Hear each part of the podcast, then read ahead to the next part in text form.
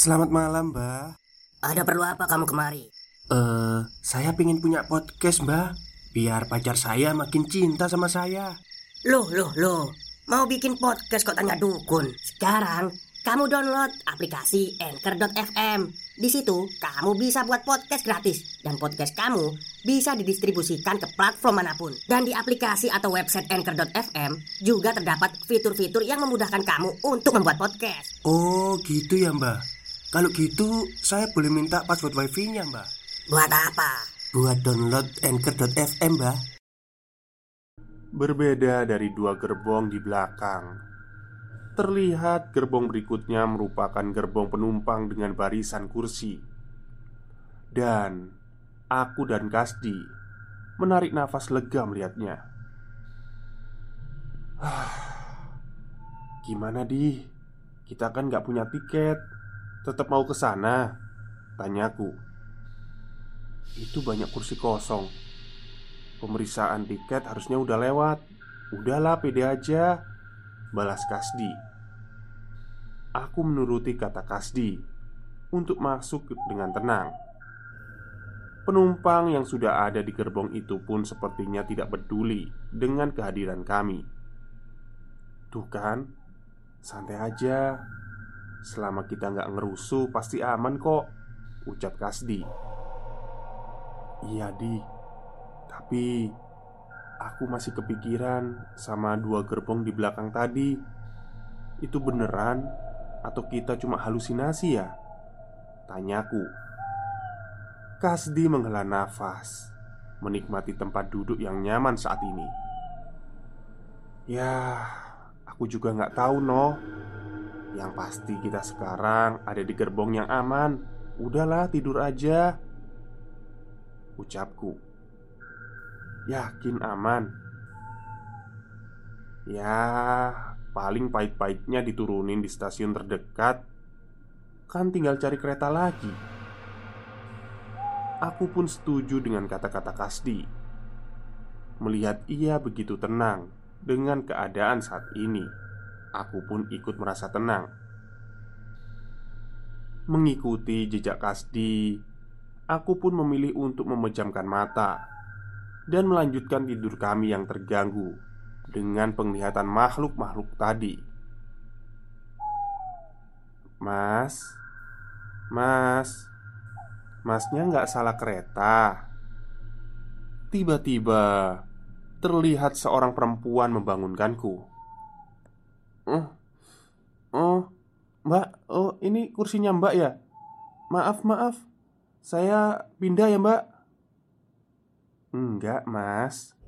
Cuma mastiin aja. Bener. Tujuan masnya sama dengan kereta ini. Ucap perempuan itu. I Iya mbak. Balasku yang tidak ingin diketahui sebagai penumpang gelap Mendengar jawabanku. Perempuan itu segera pergi meninggalkan kami.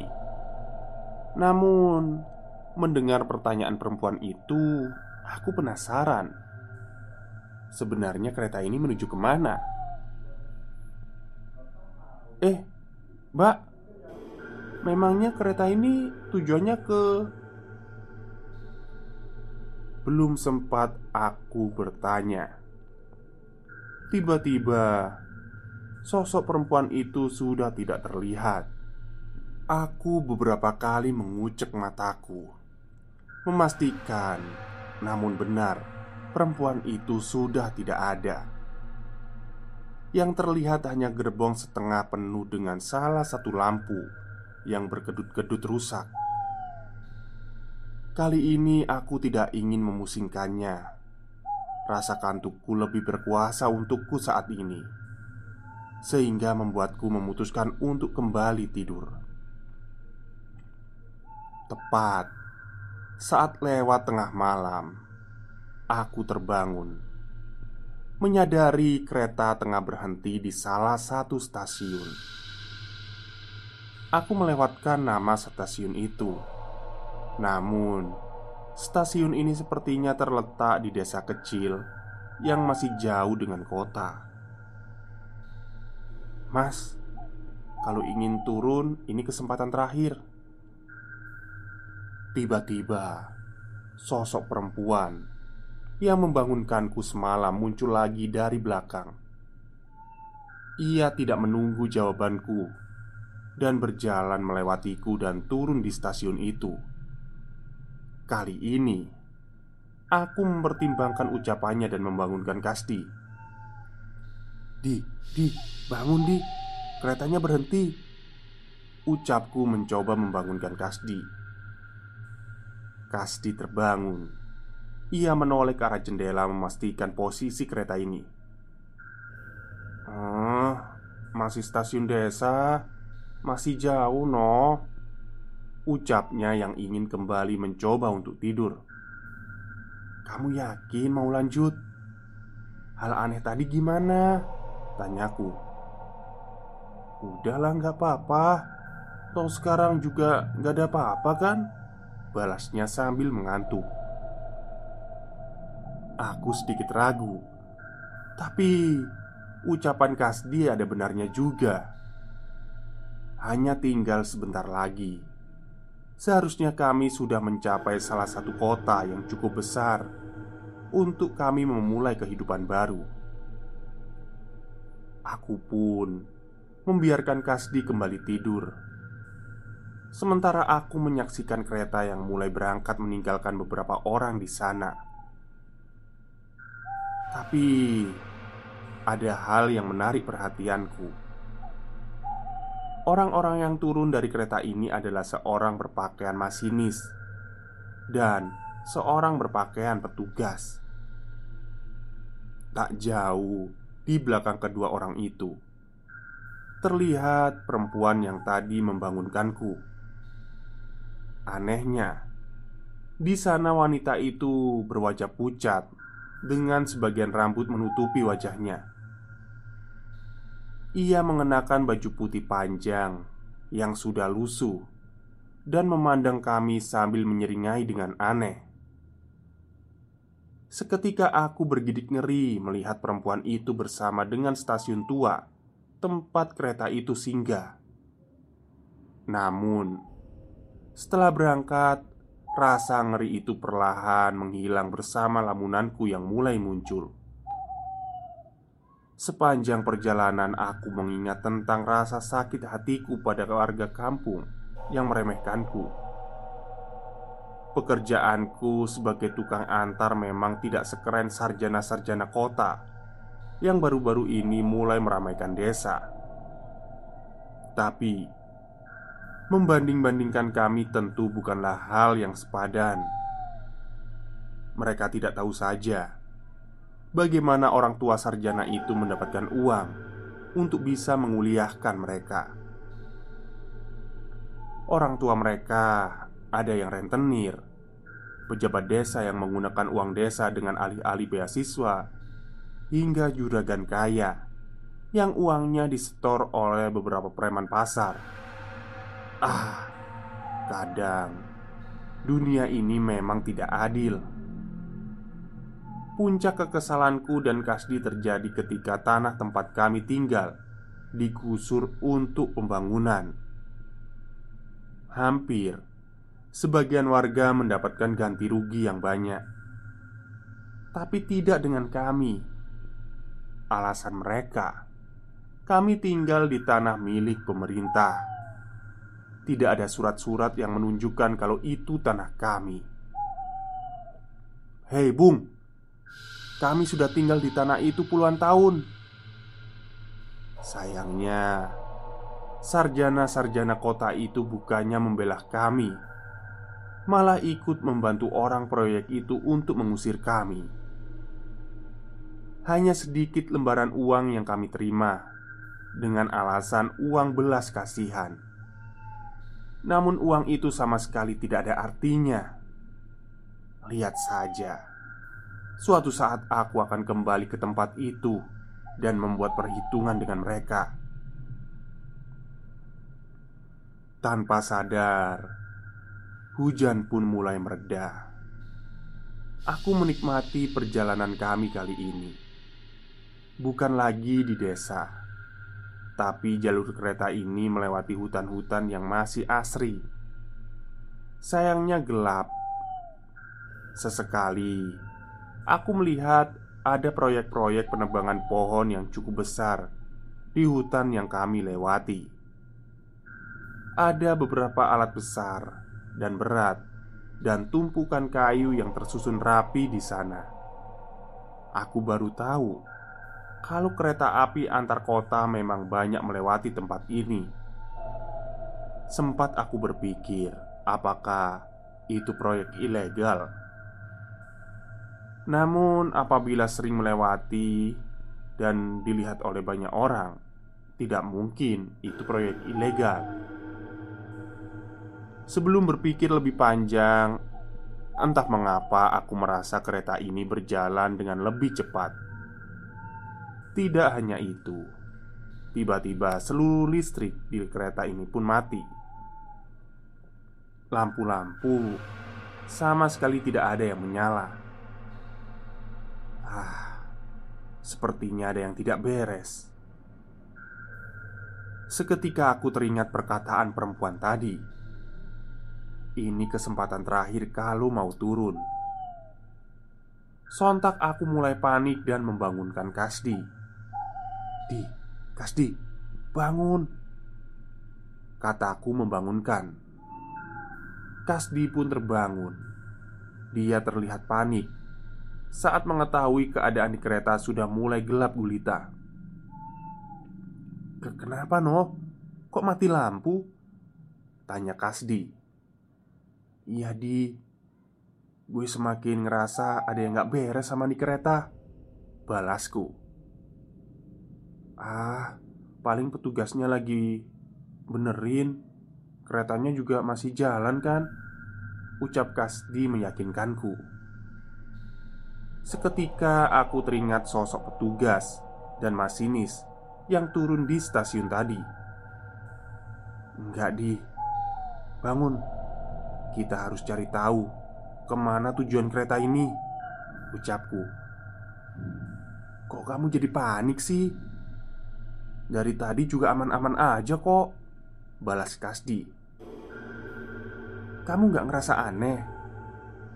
Udah lumayan lama lampu mati, tapi nggak ada penumpang yang protes.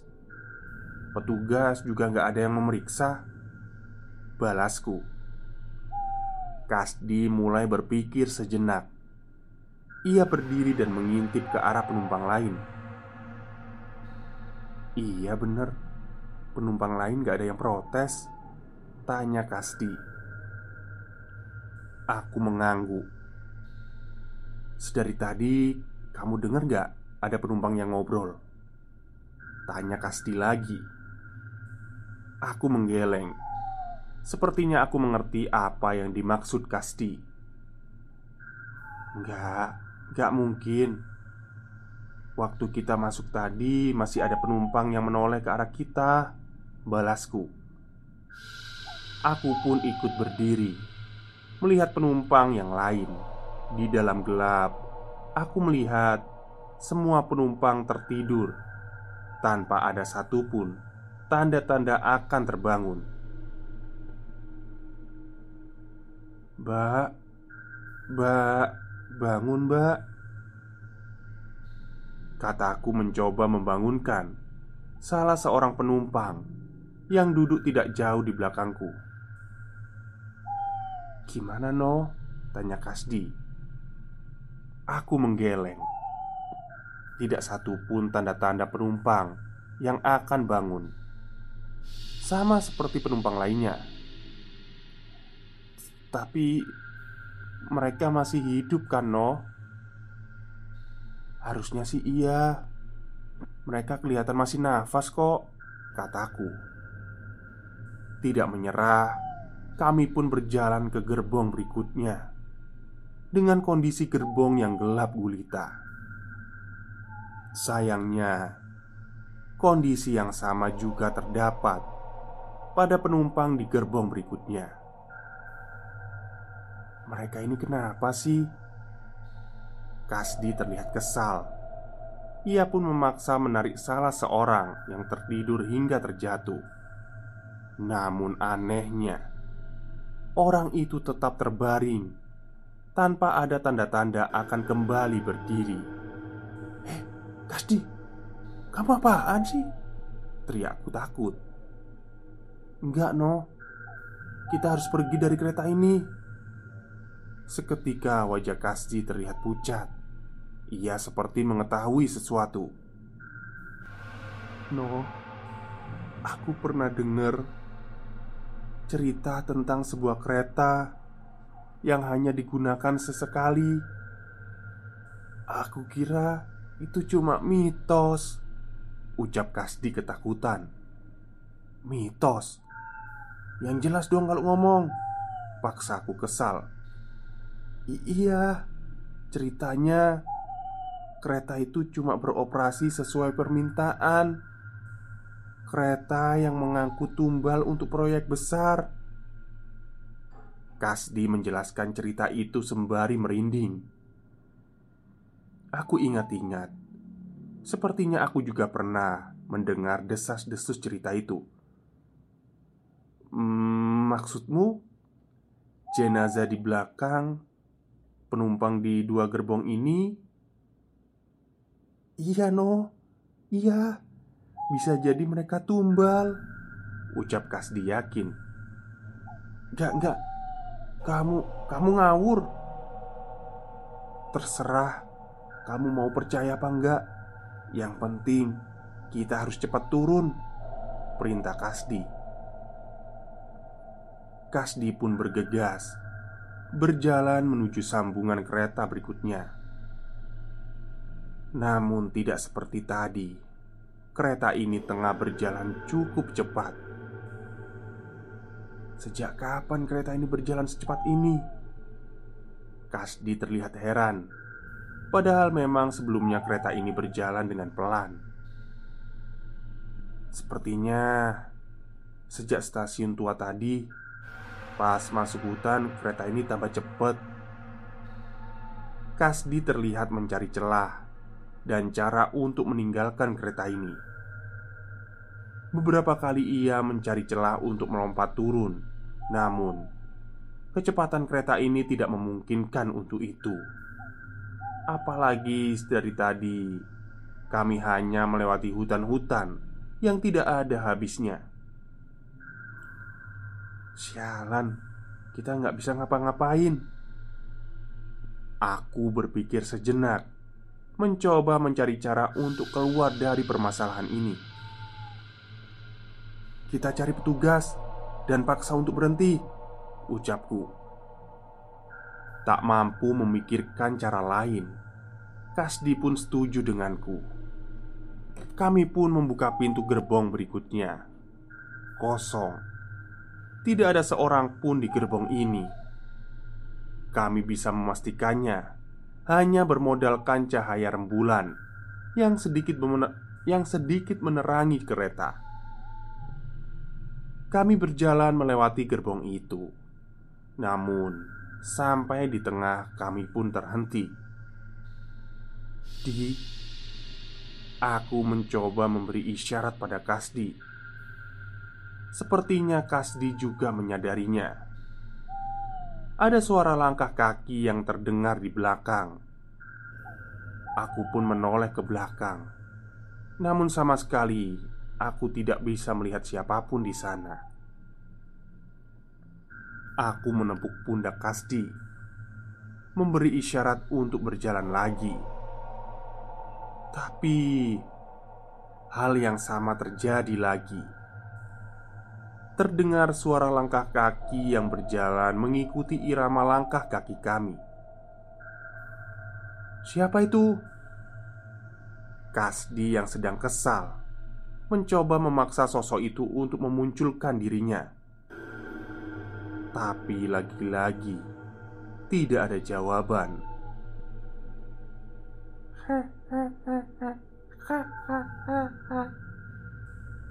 Samar-samar terdengar suara parau dari seseorang. Orang itu seolah tertawa mempermainkan kami. Kasdi yang sudah kesal berbalik ke belakang dan memeriksa satu per satu kursi yang sudah kami lewati. "Heh, siapa itu? Jangan bercanda ya. Keluar kamu!" tanya Kasdi menantang. Namun, saat kami memastikan tidak ada seorang pun di sana, tiba-tiba seluruh tubuh kami lemas. Kami pun membalikkan tubuh dan kembali berjalan ke gerbong berikutnya. Tapi berbeda dengan yang tadi. Saat melewati tengah gerbong, tiba-tiba suara langkah kaki di belakang kami semakin cepat kami pun mempercepat langkah kami hingga berlari. Kali ini kami yakin itu bukan langkah kaki manusia. Terlebih, langkah kaki itu tidak lagi terdengar hanya dari bawah. Langkah kaki itu bahkan terdengar dari langit-langit kereta. Jantung kami berdetak tidak karuan. Tengkukku terasa dingin saat suara langkah kaki itu bergerak semakin dekat dan semakin dekat di telinga kami. "Cepat, Noh, cepat!" Teriak Kasdi membukakan pintu gerbong dan menyuruhku keluar. Tepat ketika aku mencapai sambungan gerbong, Kasdi menutup pintu gerbong itu dengan cepat. Kami sampai dengan terengah-engah Jantungku masih belum selesai berdegup kencang. Sementara itu, aku yang masih penasaran mencoba mengintip mencari tahu makhluk apa yang sedang mengejar kami itu. Tapi aku sama sekali tidak melihat siapa pun di gerbong itu. Sama sekali tidak ada. Bahkan aku mengintip dan memastikan ke beberapa sisi. Tiba-tiba saja muncul suara, "Balik ke sini!" Seketika aku terjatuh dengan munculnya sosok makhluk kurus yang merangkak dari atas dan memamerkan wajah keriputnya dengan kepala botak dengan sedikit sisa rambut yang menempelkan wajahnya di kaca. "Lari, no, lari!" Kasdi pun menarik, menarik bajuku dan membawaku menuju gerbong berikutnya. Setelah lima gerbong sebelumnya, aku tidak lagi berharap banyak dari gerbong ini. Terlebih saat aku melihat semua jendela di gerbong ini terbuka, membiarkan angin dan air hujan masuk ke dalam kereta. Stop, stop, kita break sebentar. Jadi, gimana? Kalian pengen punya podcast seperti saya? Jangan pakai dukun, pakai anchor, download sekarang juga gratis. Hati-hati di Sedari tadi Gak ada gerbong yang beres Ucapku Kasdi menganggukkan kepalanya. Sepertinya ia sadar dengan hal itu. Oke, uh, ini adalah bagian pertama dari gerbong 13 ya. Tweet yang ditulis oleh Mas Dioseta. Tapi karena panjang, kemungkinan akan saya bagi menjadi tiga bagian atau dua bagian saja lah ya cukup. Mungkin bisa nanti malam atau besok siangnya lagi saya teruskan. Baik, mungkin itu saja cerita untuk siang hari ini. Semoga kalian semua terhibur. Selamat siang dan selamat beristirahat.